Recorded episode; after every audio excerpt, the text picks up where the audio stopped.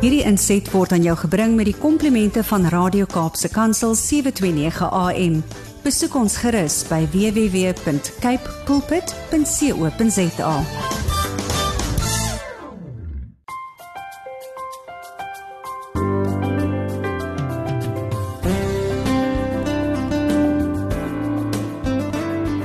Goeiedag luisteraars en welkom by die geselsprogram Kopskuif waar ons elke Saterdag onderwys en skoolgemeenskapsake gesels.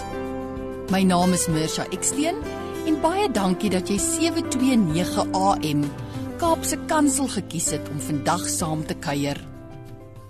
Die ATKV is steeds van mening dat alle organisasies, besighede en individue op een of ander wyse by onderwys betrokke moet wees en dat onderwys almal se verantwoordelikheid is. En hier op Kopskuif praat ons saam en dink ons saam oor relevante onderwerpe en ons skoolgemeenskappe. Dit is baie lekker om vandag vir Dr. François Nodee van Phoenix Education in die ingenieurs te kan groet as ateljeegas. Ek stel graag vir François aan julle luisteraars voor. Sy ervaring in evolusionêre biologie en wetenskap onderrig het daartoe gelei dat hy die nasionale onderwyserstoekenning in Suid-Afrika ontvang het.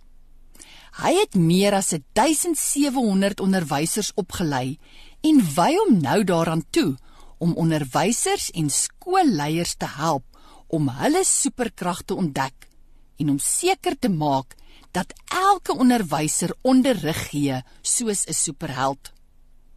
Hy ondersteun onderwysers en skoolleiers deur hulle op te neem in 'n praktykgemeenskap. Hy deel sy kennis van wetenskap, sielkunde en skoolleierskap sodat jy die uitdagings in jou klaskamer, personeelkamer en lewe kan hanteer. François en luisteraars, um, ek dink onwillekeurig aan die woorde van Edwin Burke wat op 'n keer gesê het dat die voorbeeld dat voorbeeld en ervaring die twee hoofvakke in die skool van die lewe is. Mense leer nie regtig op ander maniere nie. So François, ons sien uit om saam met jou te kuier en om te luister hoe jy vandag uit voorbeeld en ervaring met ons gesels. Luisteraars, Ek stem ek dink julle stem met my saam dat die tafel gedek is vir 'n baie interessante gesprek. Bly by ons ingeskakel op 729 AM Kaapse Kansel by die program Kopskuif waar ons net na die breek gesels oor die toekoms van onderwys. Welkom terug by Kopskuif en François baie dankie dat jy beskikbaar is en dat jy vandag saam met ons kuier. Ons sien baie uit om met jou te gesels oor die toekoms van onderwys. Altyd lekker om saam met julle te kuier, Mersha. François, ehm um, die vorige keer wat ons saam met jou gekuier het hier op Kopskuif, het jy vinnig verwys na ehm um, kongres wat jy bygewoon of ehm um, aanlyn gedoen het in Kanada. En uit die aard van die saak was hierdie gesprek se tema die toekoms van onderwys. So vertel vir ons van hierdie ervaring. So ek was genooi um deur 'n konferensie, uh die konferensie is genoem MTL Connect en dis baie gerig op die toekoms van verskeie industrieë. So om jou idee te gee tydens die tydens die kongres was daar gepraat oor die um stede van die toekoms, oor um kubersekuriteit en weet om 'n digitale um identiteit te hê. Daar was dinge gewees oor die toekoms van werk, oor um oor uh die toekoms van die onderwys natuurlik. En so ek was gevra om tydens die toekoms van die onderwysgeleentheid te gesels. Van die ek dink die doel van die konferensie is om mense uit verskeie industrieë te kry om met mekaar bietjie te gesels van die idees wat in een industrie gebruik word kan aangepas word en dan in ander industrieë gebruik word. So dit was 'n verskriklike goeie geleentheid geweest om te sien wat gebeur in ander industrieë, maar ook om te sien wat gebeur wêreldwyd met die tendense in die onderwys, um, en om te kyk wat is dit wat ons hier in Suid-Afrika doen en wat ons ook in Suid-Afrika kan doen om te help met die krisis in die onderwys. Baie dankie. Dis interessant om die holistiese benadering te hoor en ons hier by Kopskuif is baie trots op jou dat jy die Afrikaanse vlag gewapper het en die Afrikaanse stem was. So wanneer mense so lekker gewees om om sorry mens, dit was lekker geweest om om om uit Suid-Afrika uit te kon gesels oor die goed wat goed gaan hier by ons mm. ook. Want ek dink ons hierdie tendens om te sê weet dinge in Suid-Afrika gaan moeilik en dinge gaan sleg. Um maar daar is wel hierdie hoogtepunte. Ek sê nie vir een oomblik ons onderwysstelsel is weet perfek nie want dis nie naby aan dit nie. Maar ons het ons het definitief ek hoogtepunte uit ons eie land uit wat ons kan meer gaan weet gaan kan gesels internasionaal, maar dan ook om daai tendense wat internasionaal gebeur terug te bring en dan met onderwysers te deel. En dis wat ek gereeld doen in die praatjies en die werkswinkels wat ek by skole aanbied. Ja, baie dankie. Ehm um, Ek dink jy slaag ongelooflik daarin om daai energie los te kry en mense te bemagtig om so superheroes op te tree. So ja, ons is trots op jou en baie dankie dat jy vandag saam met ons kuier en dan ook uit jou ervaring met ons deel. So François, ek dink as mens so in die internasionale arena beweeg en mens skuur skouer met verskillende industrieë, het ons nou gehoor, dan uit die aard van die saak ontwikkel jy 'n aanvoeling vir internasionale tendense op die gebied van onderwys. So is daar tendense wat jou opgeval het?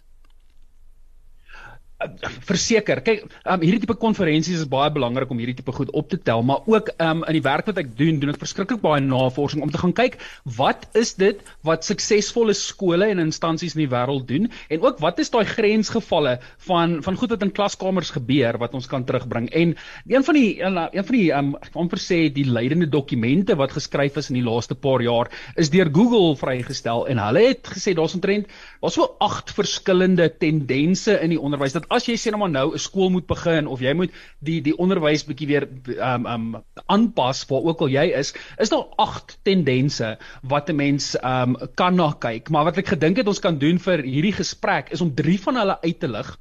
En die drie wat ek dink ons oor moet gesels is uh, nommer 1 die uh, voorbereiding vir die werksplek. Nommer 2, ehm uh, om om ouers en voogte deel te maak van die skoolgemeenskap en dan um, die derde een sou wees leerder gedrewe leer. OK, dit is lekker 3 dan wat ek dink materiaal is vir 'n gesprek. So sê gou vir my nê. Jy sit nou Haai laaste vraestel skryf jy nou en jy sit nou jou pen neer na daai eksamen. Nou moet jy as 'n verantwoordelike landsburger die toekoms aanpak. So jy het gesê voorbereiding vir die werksplek is een van die tendense. Wil jy nie vir ons bietjie vleis om hierdie been gee nie? So, ehm um, as 'n mens gesels oor voorbereiding vir die werksplek, dan is dit een van die hoofredes of een van die hoofdoelwitte of mandate van die onderwysstelsel is om, soos jy sê, landsburgers op te lei met die ehm um, met kennis sowel as met vaardighede en ook waardes dat hulle deel van 'n werksplek kan vorm, nie net weet vir hulle eie welstand nie, maar ook vir die welstand van die ekonomie van van die land en dan van die wêreld natuurlik. So, as 'n mens praat van die toekoms van enigiets, kan 'n mens eintlik jy kan nie Elon Musk oorkyk nie. As daar mm. gepraat word oor die toekoms van enigiets, as Elon Musk nie amper deel is daarvan nie, dan wonder mense, okay, ehm um, hierdie ou is regtig oral betrokke en selfs in die onderwys. So hy het met um, SpaceX het hy 'n skool begin vir die werknemers van SpaceX, maar hierdie het nou so stelselmatig begin groei dat dit 'n privaat skool in Amerika is. En uh, die skool se naam wat hulle toe gestig het is Astronova School. En hierdie skool werk op drie beginsels. En in die eerste plek hulle skop so teen die tradisionele um, struktuur van die onderwys waarvan ek verskriklik baie hou want een van die aannames wat ons maak oor die onderwys is dat leerders wat dieselfde ouderdom is is in dieselfde graad. Ja. Jy's 6 of jy's 7 wanneer jy graad 1 toe gaan en dan soos wat jy ouer word, beweeg jy aan na die volgende uh, grade toe. En hulle doen dit glad nie so in daai skool nie.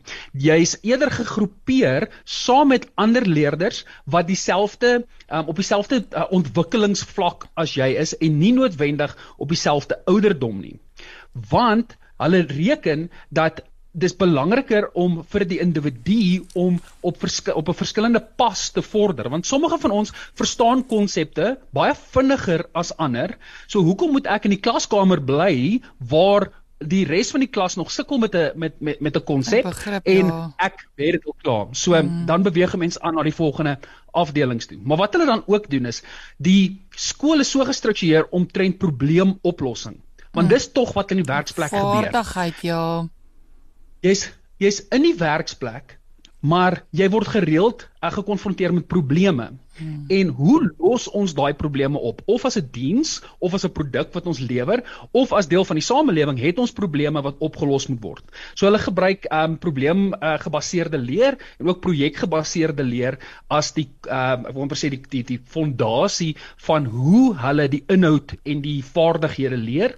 En dan die derde die derde ding wat hulle in die skool baie goed doen is dit word um gedrewe deur wat ons noem gamification. So jy kry badges en jy kry punte punte vir hoe jy um vorder um in die traject uh, van die probleemoplossing. En daai kombinasie en daai drie um elemente maak dat hierdie skool um mense voorberei wat gereed is en gerad is vir die werksplek, want wanneer hulle in die werksplek kom, is hulle klaar gewoond daaraan om met mense van verskillende ouderdomme te werk en hulle weet reeds hoe om uh probleme op te los.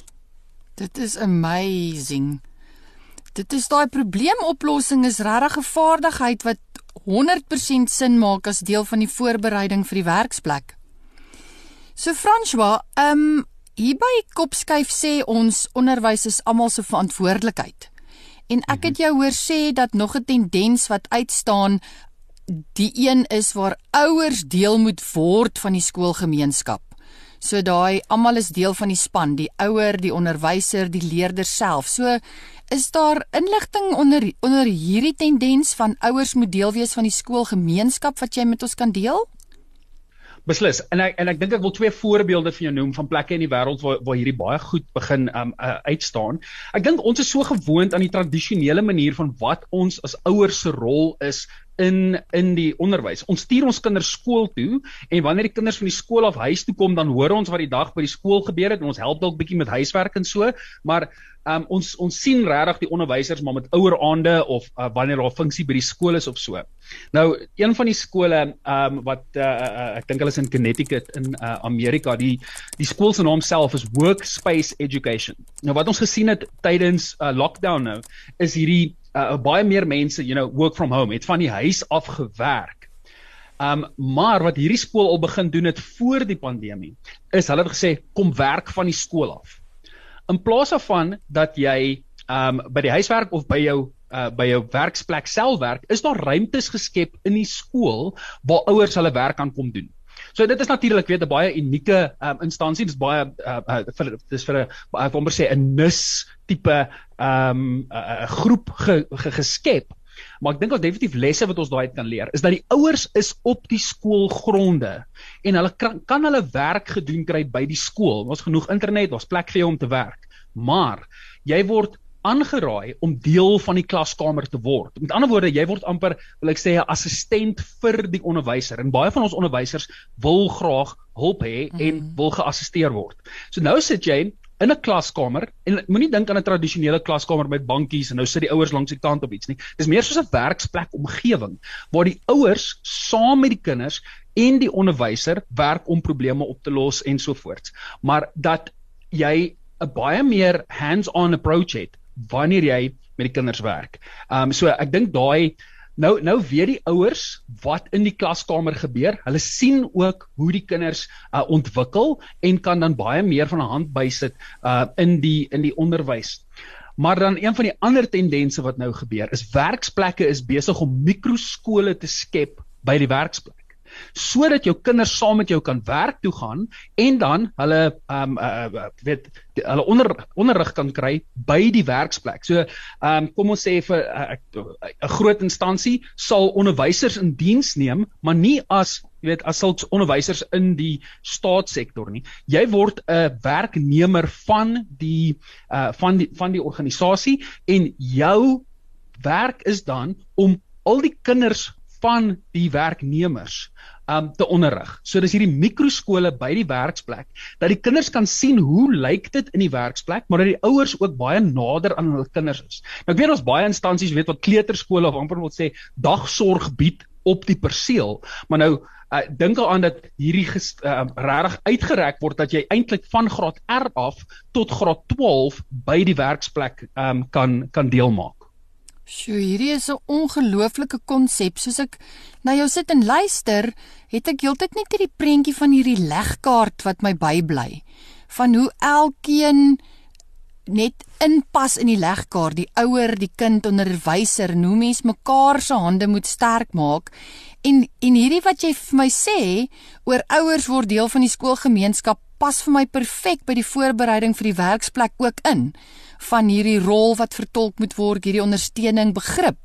Ouers vir onderwysers begrip vir waardeur hulle moet gaan, wat hulle moet doen. So dis 'n baie interessante tendens hierdie wat jy nou met ons bespreek het. Ehm um, François die derde een wat ek bietjie by jou wil hoor, hoe verpak jy hom, is die leerder gedrewe onderrig as tendens.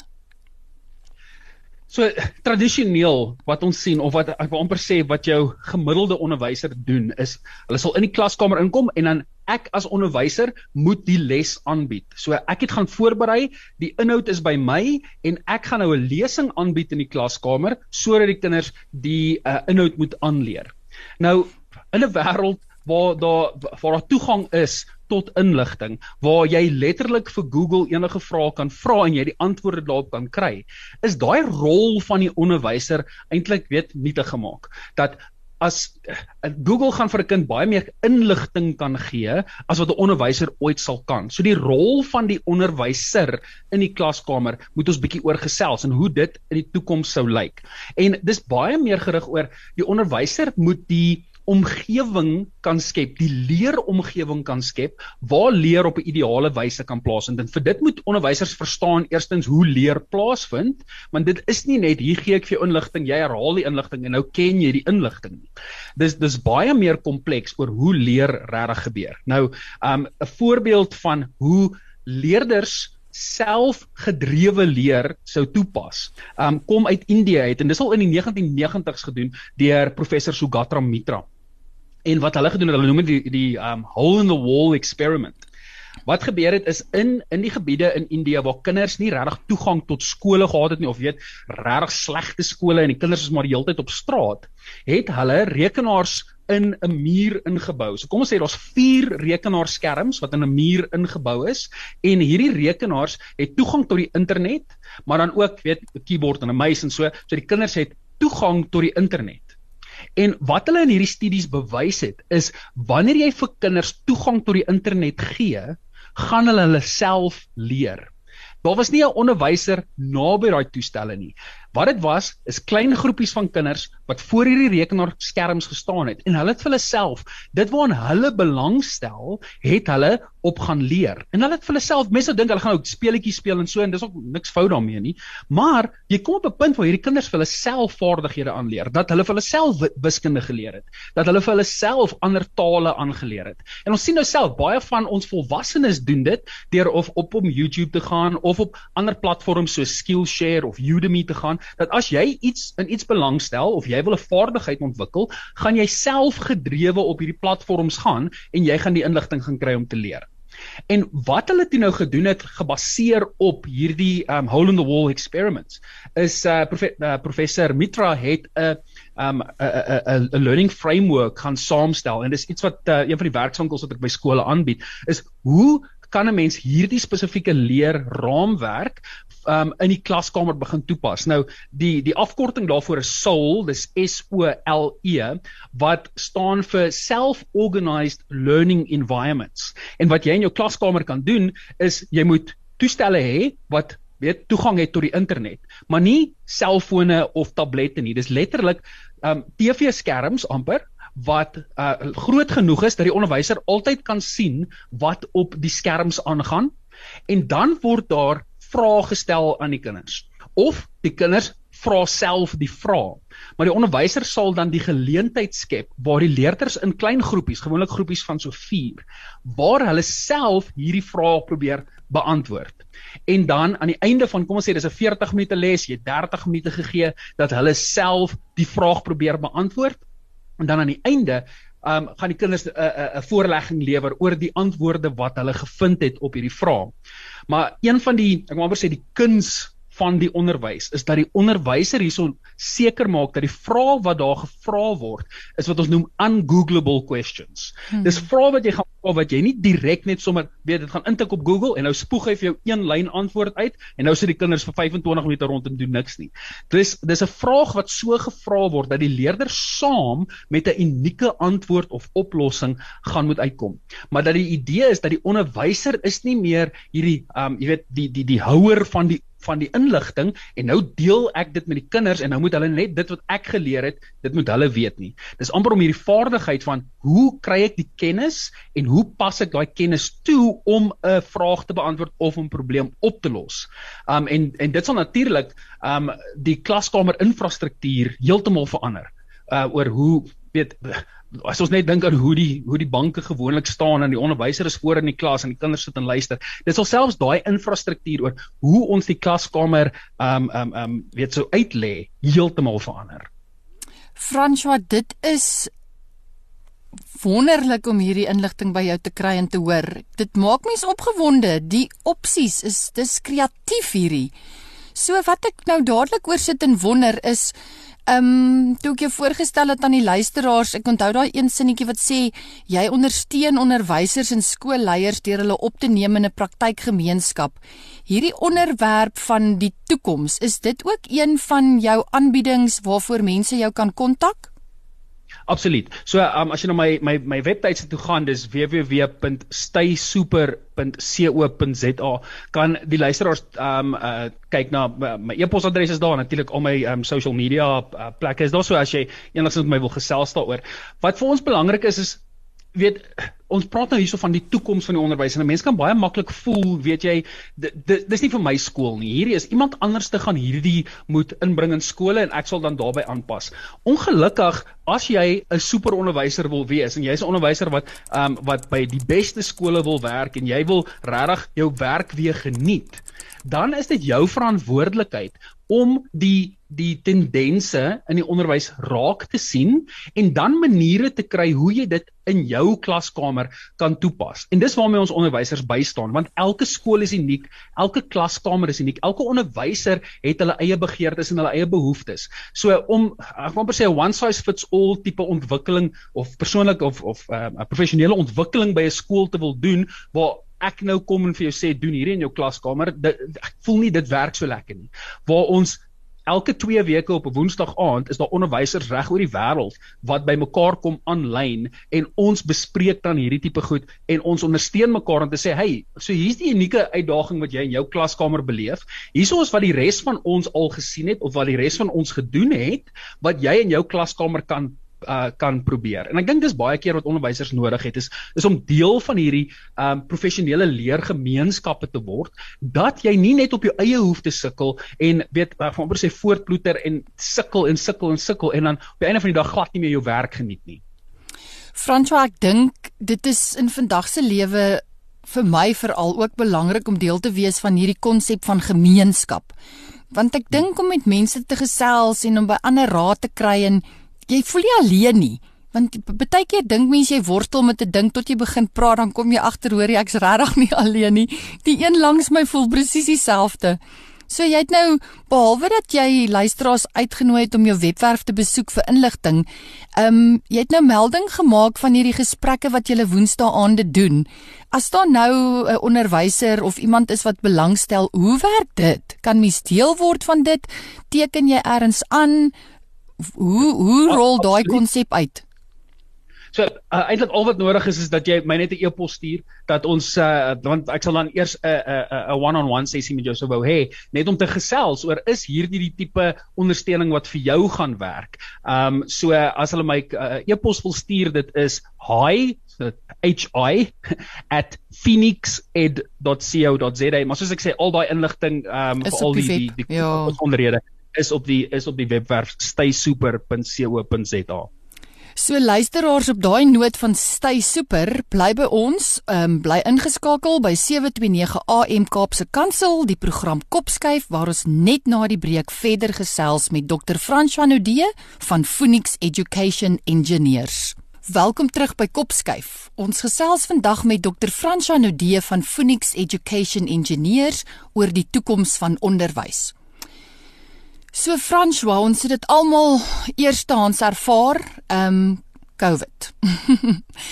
Ehm um, uit die aard van die saak beweeg jy tussen skole, jy gesels met onderwysers, jy gesels met leerders. Ehm um, vertel ons van die hele COVID pandemie en die uitdagings wat dit aan skoolgemeenskappe gestel het. En dan wanneer jy aan dit bietjie raak, ehm um, wat volgens jou is lesse wat uit vorige pandemies geleer is? Kyk, die laaste 2 jaar was verskriklik moeilik geweest vir almal, maar ek dink vir onderwysers veral, want ons was ons is amper weet hierdie noodonderrig wat ons moes moes gelewer het. Nou, daar word nou al lankal gepraat oor ons moet maniere kry om die onderwys te verander en ons moet um aanpas by die tye en daar was nogal van die uh, uh, lank terug nou al gesê, kom ons begin tegnologie in die klaskamer gebruik. Nou, ek hou nie baie van daai daai weet alge algehele um stelling nie want dit beteken nie regtig veel nie want selfs um selfs in die 1900s het ons tegnologie gebruik 'n potlood en 'n pen en al daai goed is tegnologie. Maar ek dink die die fokus het verskuif na hoe kan ons internet um tegnologie begin gebruik? Want nou skielik is die kinders nie meer in die klaskamer nie. Hoe kan jy steeds op dieselfde ou manier probeer klas gee of uh, uh, weet onderrig maar jy het nie die leerders by jou nie So ons was in die diep kant ingegooi en ons sien uit die navorsing uit dat weet die laaste 2 jaar was 'n uh, uiterse mislukking geweest uh, oor die algemeen natuurlik daar is skole waar dinge regtig goed gegaan het maar vir die oorgrootste meerderheid van ons staatskole was dit um regtig 'n mislukking. Ons begin nou eers agterkom wat die korttermyn effek van die pandemie op leer en op ons leerders was. En ons is ons sal seker oor die volgende 3 4 5 jaar sal ons eers die langtermyn effek van die pandemie um, en, en, uh, en baie spesifiek jy weet die grendeltydperk um, wat dit aan ons leerders gedoen het. Nou wat ons begin sien um, uit van die die nuutste navorsing is die effek wat die pandemie op ons leerders het. Is eerstens daar um, hulle punte is baie laer as waar ons gewoonlik gewoond is. En ons kan amper ons kan insien hoekom dit so is. Maar van 'n gedrags um, perspektief af. Ons kinders procrastinate meer. So ons ons stel baie meer uit op die take wat ons wil doen. Ons wag baie langer voordat ons gerad raak om goed te doen. So as ons kyk van die onderwyser se kant af wanneer ons sperdatums op ehm um, op projekte en so aan sit, daar word amper altyd moet ons uitstel gee omdat die kinders so lank vat of die kwaliteit van die werk wat wat ingedien word is baie baie swak. Ons kinders is angstig. Ons sien baie meer angstigheid in die samelewing en hierdie trek hulle aandag af. Dit is verskriklik moeilik vir 'n kind wat aan uh, wat aan angs ly om uh, gefokus te bly. So ons sien baie van dit. Ons kinders sukkel om te konsentreer op skoolwerk. Um uh, natuurlik wat ons gesien het tydens die Grendeltydperk, iets soos Netflix het op die algemeen of of die die die gemiddelde tyd wat mense op Netflix spandeer het, het met 'n uur vermeerder tydens Grendeltydperk. So dis nie dat ons nie die kapasiteit het om te konsentreer nie, hmm. maar veral dit iets is wat ons nie um in belang stel nie, is dit ons baie moeiliker om daarop te konsentreer. Ons kinders is baie meer moeg en voel baie geïsoleerd. Nou is ek 'n onderwyser in 'n klaskamer en hierdie is die agtergrond waarteen ek moet moet moet moet onderrig. En dis nie dis glad nie maklik nie. Nou wat ons sien uit vorige pandemies het, want ek glo vas as ons as ons wil die toekoms voorspel, dan moet ons gaan kyk na die verlede, want die ja. verlede het hierdie manier om homself te herhaal. En tydens die uh Future of Education projectie wat ek by skole en by oueraande aanbied, um praat ek juis oor um die 1912 uh Spaanse griep en ek praat ook oor die swart dood, uh die Black Plague. Oor wat het met samelewings gebeur tydens die pandemies, maar dan ook baie spesifiek die ek wil amper sê die die wat gebeur het na die tyd. En dis iets wat ons baie op moet kyk. Nou toe ek dit in Oktober verlede jaar in Kanada aangebied het, toe het ek vir hulle gesê, kyk, ons moet baie versigtig wees dat daar nie 'n volgende oorlog um uitbreek nie, want as ons kyk na die pandemie van 1912, die uitwerking is van pandemies is dat gemeenskappe baie meer geïsoleerd raak, mm. maar nie net persoon nie, maar ook in ons denke want ons isoleer onsself teen enigiets wat vreemd is. Ja. So die uitwerking van baie pandemies is dat ons ehm um, jy jy sien 'n vermeerdering in konservat uh, ja konservatiwiteit, maar dan ook sien ons hierdie verskriklike daling in gemiddelde ehm um, IQ. En saam met al hierdie dinge wat saamgaan, raak daar amper sê ehm um, daar's hierdie hierdie hierdie vrugbare broeiplek vir mm. konsepte om om vas te vat. En as ons nou dis nie so ver sprong om te maak van die 1912 um uh, pandemie na die Eerste Wêreldoorlog, na die Tweede Wêreldoorlog nie. Nou um ongelukkig dink ek nie daar's genoeg tyd om regtig in diepte te gaan en te gesels hieroor nie, maar daar's 'n uh, baie spesifieke um sosialistiese teorie uh of, of sosiologiese teorie um wat ek sal noem is die um luisteraars graag meer daaroor wil weet daar is regtig baie goeie podcasts en boeke hieroor. Maar die die die teorie staan bekend as die parasite stress theory of values and society. En hierso-in lê hulle baie van hierdie goed uit dat in baie gevalle sien die mense hierdie konflikte wat ontstaan van uit 'n pandemie uit. Nou ons is baie nuut of of vars nog in die uh Rusland en Oekraïne konflik wat ja. gebeur het en ek dink dit dit noodwendig sou gebeur het verlede jaar in Oktober nie. Nou mense wil ook nou nie gaan en sê jy weet as gevolg van die COVID pandemie het Rusland Oekraïne ingeval nie. Daar's 'n paar weet spronge wat gemaak moet word, maar ons sien dat hierdie tipe konflik en ehm um, konservatiwiteit en hierdie val in IK is iets waarmee ons on, onderwysers gaan moet um deel in die klaskamer en in die skoolgemeenskappe. En die die uitdaging is is dat ons onderwysers is nie opgelei of gerad om met hierdie um sosiologiese probleme te moet uh, hanteer en dan ook ons werk te moet doen nie want ek dink dit dit veroorsaak baie angs en baie frustrasie en onsekerheid by ons as onderwysers.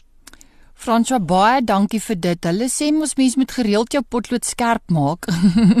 ek dink is ook 'n begrip wat so mooi tuis hoort hier op die Kopskuif program. So sê gou vir my, ehm, um, hoe spreek jy onsekerheid by onderwysers aan? Kyk ons ons moet weet dis deel van die lewe. Ek ja. meen onsekerheid is die daar daar's hierdie balans wat ons moet handhaaf tussen orde en chaos. Hmm. Nou uh, een van een van die ander werkswinkels en praatjies wat ek by skole aanbied is juist hierdie coping with chaos.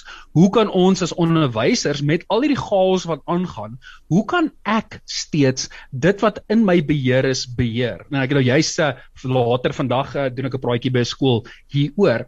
Um en die belangrikste ding wat ons moet onthou is jy kan slegs beheer wat in jou beheer is. Ons probeer soveel keer um dinge wat buite ons beheer is beïnvloed wanneer daar nie 'n manier is dat ons dit gaan regkry nie, maar dat ons gaan identifiseer wat het ek beheer oor in my lewe? Eerstens in my in my persoonlike lewe want ongelukkig as 'n onderwyser se persoonlike lewe nie nie um in plek is nie, dan spoel dit oor na die klaskamer toe. Dis baie moeilik vir ons om ons persoonlike lewens en ons professionele lewens van mekaar te skei.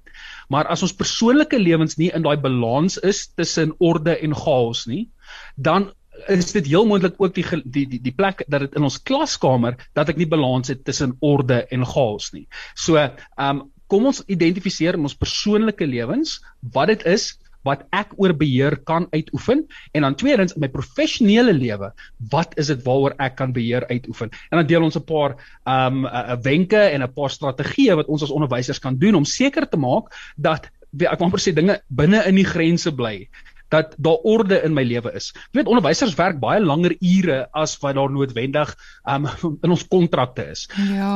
As jy vir onderwysers sê dat jy weet um, jy het 'n 40 uur werksweek, dan gaan hulle vir jou lag ja. want daar's ekstra ure wat ons insit. Maar ek dink dis baie belangrik dat ons terugkeer dat ons so produktief begin werk dat ons slegs daai 40 ure aan ons werk spandeer, want ons het die res van die tyd nodig om ons persoonlike lewens in beheer te kry sodat dit nie oorspoel na die klaskamer toe nie.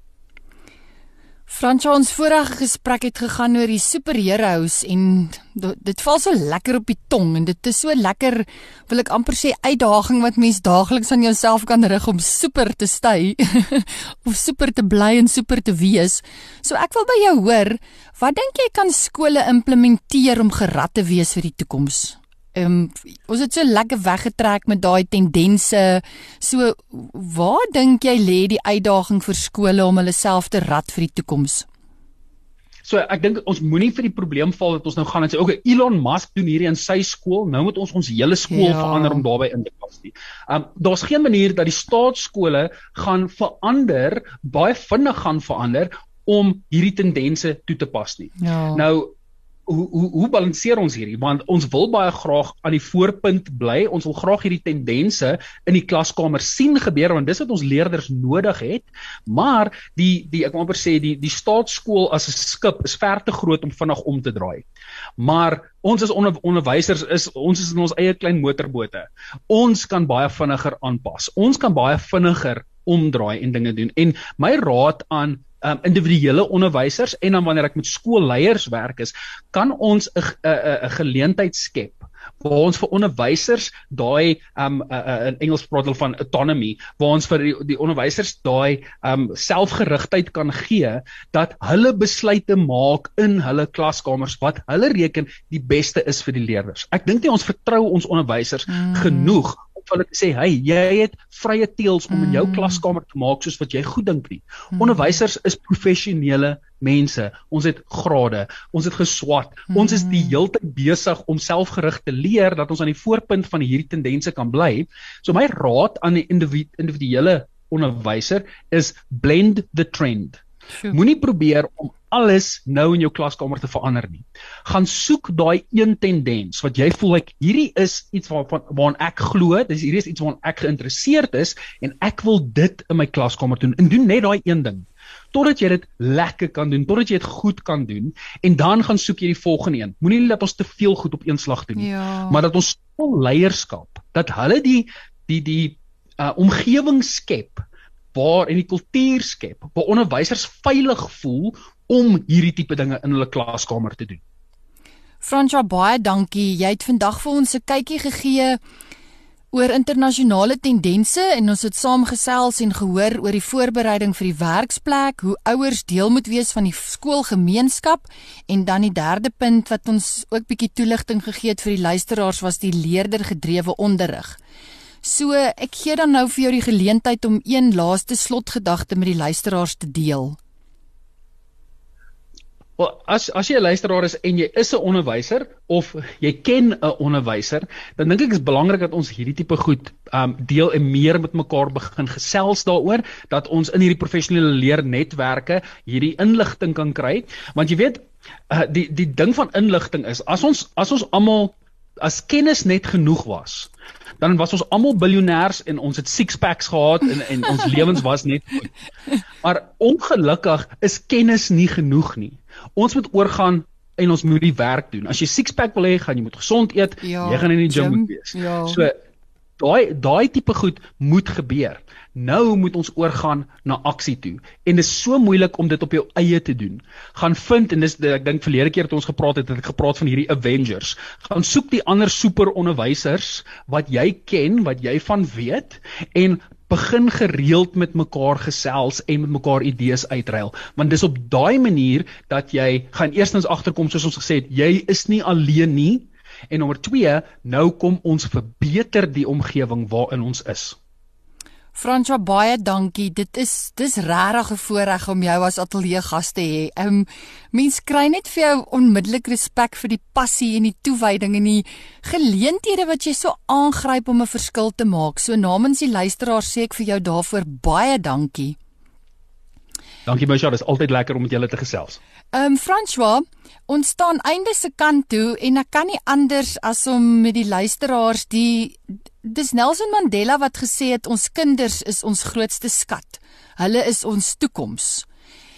En as mense so gesels oor onderwys en die toekoms, dan wil ek ook hier van my kant af en van die Kopskuif program af dankie sê vir elke onderwyser en dankie sê vir elke ouer wat soveel erns maak met hierdie opdrag om te help um werk aan hierdie tendens wat ons dan nou uitgewys het vandag die voorbereiding vir die werksplek. Vir al dit, want ek dink en dan uit die aard van die saak, dis eintlik al 3 hè. Daai ouers moet deel wees van 'n skoolgemeenskap, daai verantwoordelikheid. So hier van my kant af wil ek sê baie dankie vir almal wat help bou weer eens Mandela se woorde, die kinders is ons grootste skat want hulle is ons toekoms. So François, vir ons heeltemal groet. Um ek is seker na vandag se program het almal nou al so tot tot op die voorpunt van hulle stoel geskuif. Want jy het dit sommer reg gekry om ons ook uit te daag ek, um, om te sê gaan oor tot aksie. So mense wat belangstel in jou kursus of um, van jou aanbiedings, jy wil nooi, hoe kontak hulle jou as jy net gou weer met ons jou webwerf um, inligting kan deel asseblief? Die webwerf is www.staysuper.com www.co.za en dan sal jy die um, of die e-posadres daarso kan kry om ons op te kontak of dan my sosiale media um bladsye want daarso sal jy my ook weet 'n DM kan stuur en ek sal daarop kan um, kan reageer. Franswa weer eens baie dankie vir jou tyd. Baie dankie dat jy met ons saam met ons gekuier het vandag. Ons wens jou alle toekoms, ag alles voorspoed vir die toekoms toe. Mag jy aanhou motiveer, mag jy aanhou inspireer en mag jy aanhou om 'n verskil te maak. Alles wat mooi is vir jou. Dankie Masha. Luisteraars, dit was Kopskuif met my Mirsha Eksteen. Baie dankie dat jy gekies het om vandag saam met ons te kuier. Um, ek nooi jou uit om asseblief elke Saterdag van 4 tot 5 by ons in te skakel 729 AM Kaapse Kansel waar ons onderwys sake gesels. Want By die ATKV glo ons dat onderwys almal se verantwoordelikheid is. Ek groet tot volgende week. Mooi week vir een en elk. Hierdie inset was aan jou gebring met die komplimente van Radio Kaapse Kansel 729 AM. Besoek ons gerus by www.cape pulpit.co.za.